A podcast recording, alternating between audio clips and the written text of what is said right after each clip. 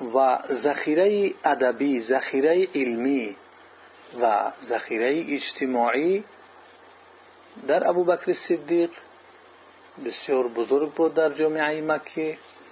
از این جهت وقتی که به اسلام آمد و در راه دعوت به اسلام قدم نهاد بهترین انسانها او را قبول کردند. و از جمله بهترین انسانهایی که دعوت او را به اسلام قبول کردند عبارتند از عثمان ابن عفان رضی الله عنه که در سی و چهار سالگی خود اسلام را قبول کرد. عبدالرحمن ابن عوف رضی الله عنه که در سی سالگی اسلام را قبول کرد. سعد ابن ابی وقاص رضی الله عنه که در 17 سالگیش اسلام را قبول کرد. زبیر ابن عوام رضی الله عنه که در دوازده سالگیش اسلام را قبول کرد. و طلحه ابن عبیدالله رضی الله عنه که در سیزده سالگیش اسلام را قبول کرد. این نفران حضرت عثمان ابن عفان عبدالرحمن ابن عوف سعد ابن ابی وقاص زبیر ابن العوام طلحه ابن عبیدالله اینها کسانی هستند که با دعوتی ابوبکر صدیق رضی الله عنه اسلام را قبول کردند.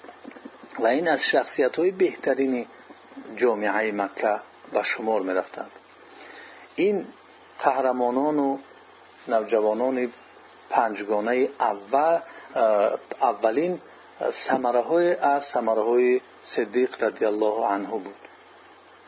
آنها را به سوی اسلام دعوت کرد آنها قبول کردند.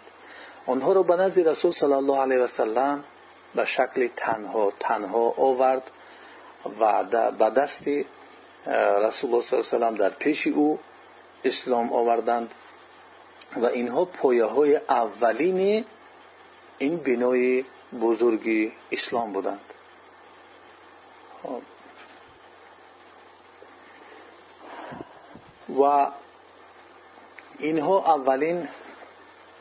و اینها اولین پایه های بودند که پیامبر صلی الله علیه و سلم رو هم تقویت بخشیدند و خداوند به واسطه آنها رسول الله صلی الله علیه و سلم رو عزت داد تأیید نمود و بعد از آنها دیگر مردم در دین خداوند گروه گروه داخل می شدند زنها مردها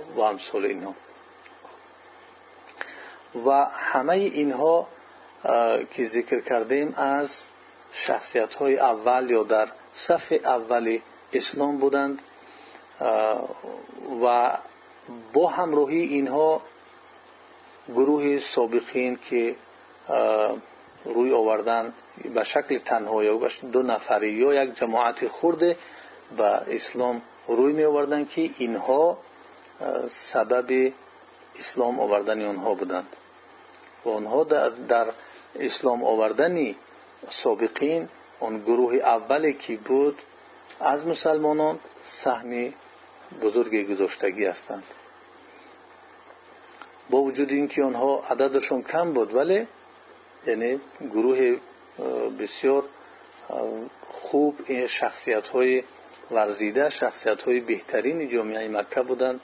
در این گروه دعوت و در قلعه رسالت رسول الله صلی الله علیه وسلم که یگان کسی با آنها دیگر سبقت نکرده بود و به آنها هم در تاریخ اسلام نرسیده است.